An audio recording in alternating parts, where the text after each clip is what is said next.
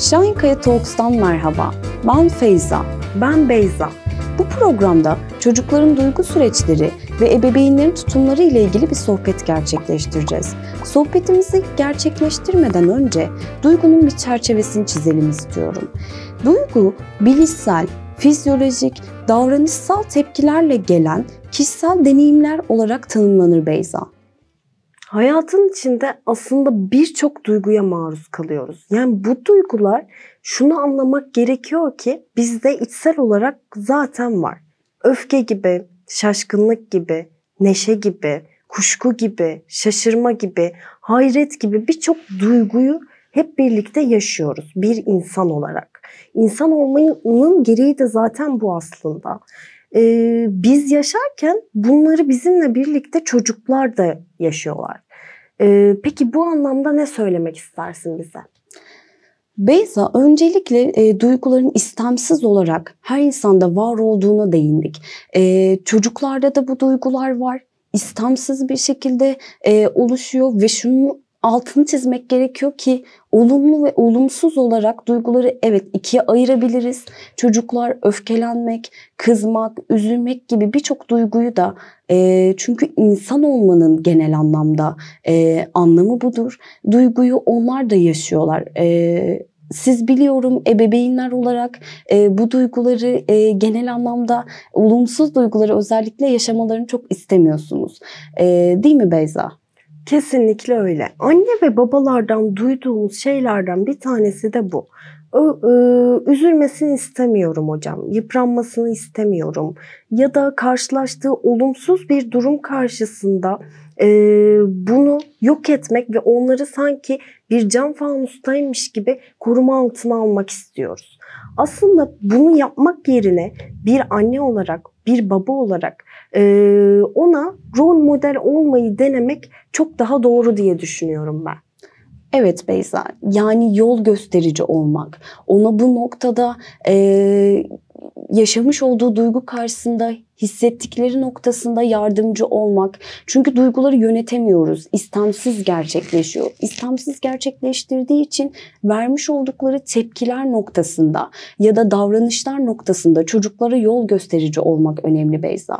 Rol model olmak kavramından bahsediyoruz. Bu noktada peki nasıl yol gösterici olabiliriz Beyza? Şunu söyleyebiliriz. Öncelikle duygularımızı ifade etme Yollarımızdan bir tanesi beden duruşumuz, jestlerimiz ve mimiklerimiz. Bir diğeri de kelimelerimiz. Zaten e, bir ayna görevi gören biz anne babalar çocuklara bu davranışları ister istemez günlük rutin içerisinde kazandırıyor oluyoruz. Peki bunun dışında kelimelerimizle ve ifadelerimizle bunu nasıl yapacağız? Duyguları kelimelere dökmeyi öğrenmemiz gerekiyor. Bir anne ve baba olarak onlara bunu ifade etmemiz gerekiyor ki başkalarının var olduğu alanlarda da hem o duyguyu içsel olarak yaşayıp öğrenip bunu da kelimeleriyle karşımızdaki kişiye yansıtmanın bir yolunu öğretmemiz gerekiyor ki bunu yaparken bir anne baba olarak e, şunu fark edeceğiz. Kesinlikle bizden ayna yoluyla yani yansıma yoluyla bu süreci öğreniyorlar ve bunu yansıtma noktasında kelimelerini kullanıyorlar diyebiliriz aslında. Kesinlikle Beyza. Yani kendilerini ifade etmeleri noktasında da mutlaka çocuklarımıza anlayış ve şefkat göstermemiz gerekiyor. Ee, çünkü bunu yapmazsak genel anlamda çocuk yaşamış olduğu duyguyu e, ifade etmiyor, duygularını genel anlamda tanımıyor ve tanımadığı süreci yönetmek onun için zorlaşıyor. Örnek verecek olursak e, çocuk e, karanlıktan korkuyor. E, çünkü daha önce deneyimlemediği bir süreç. Dediğim gibi duygular deneyimler sonucu gerçekleşir. E, biz bu süreci deneyimledik. Evet belki biz karanlıktan korkmuyor olabiliriz. Karanlık bir odaya girdiğimizde e, genel anlamda bir duygu hissetmeyebiliriz. Ama çocuk onu daha deneyimleme sürecinde. E, o noktada çocuğa karanlıktan korkulur mu? E, ya da e, ne var karanlıkta? E, gibi genel anlamda duygularını küçümseyici ifadeler kullanmamamız gerekiyor Beyza.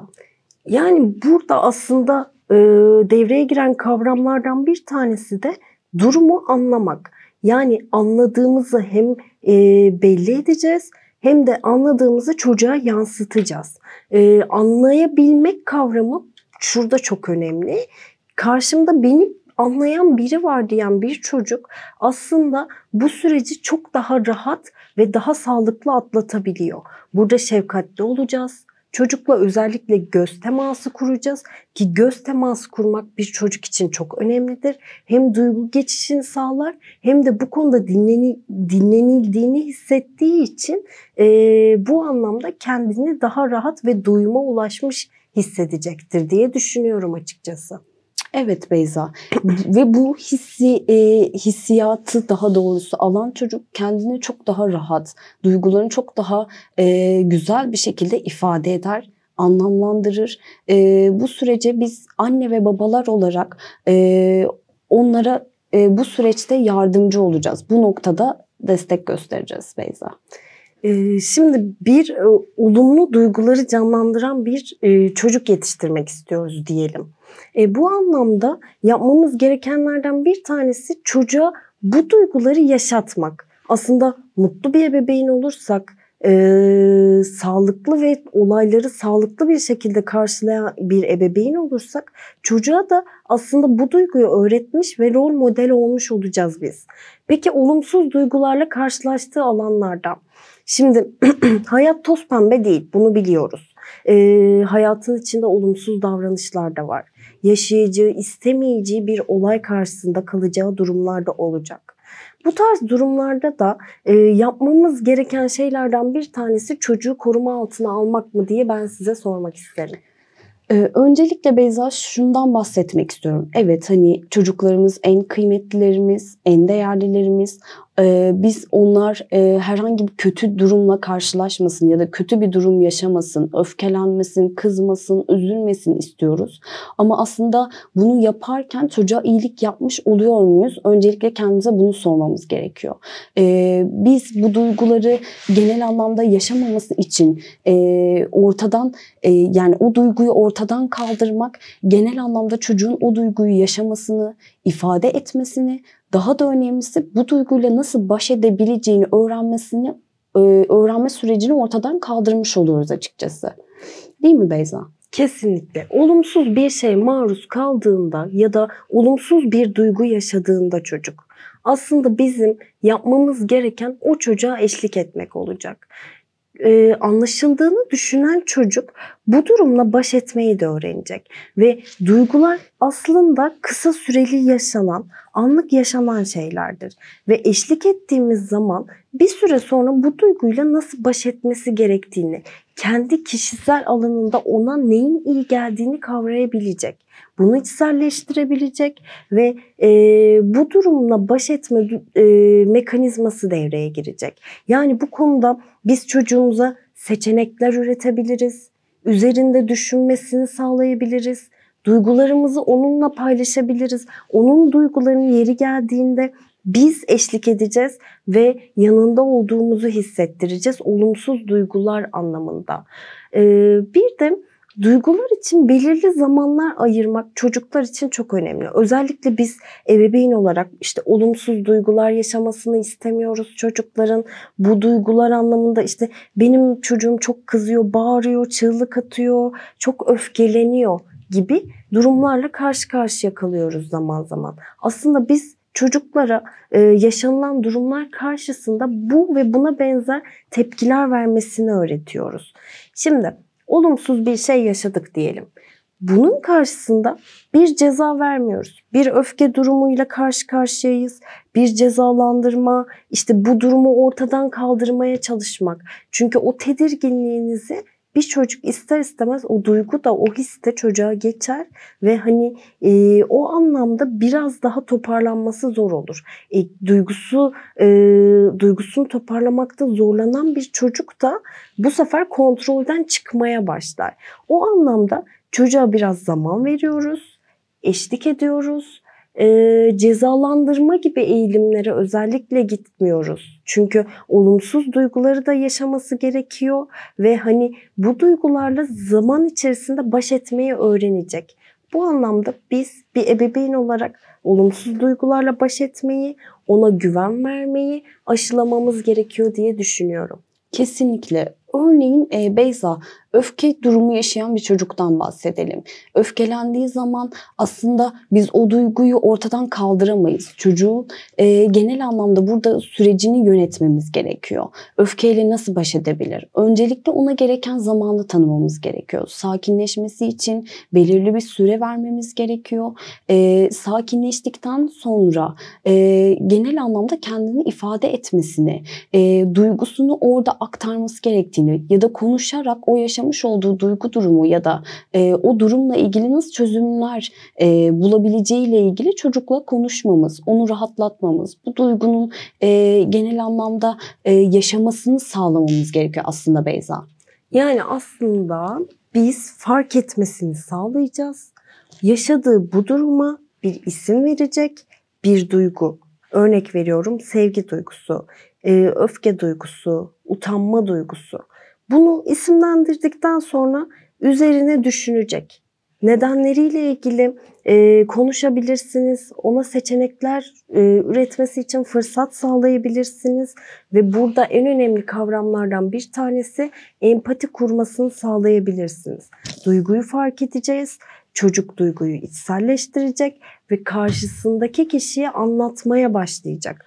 Burada önemli olan noktalardan biri de karşımızdaki kişiyi anlamak, duygusunu fark etmesini sağlamak, kendi duygumuzu diğer kişilere aktarmayı e, amaçlamak olacaktır. Kesinlikle Beyza.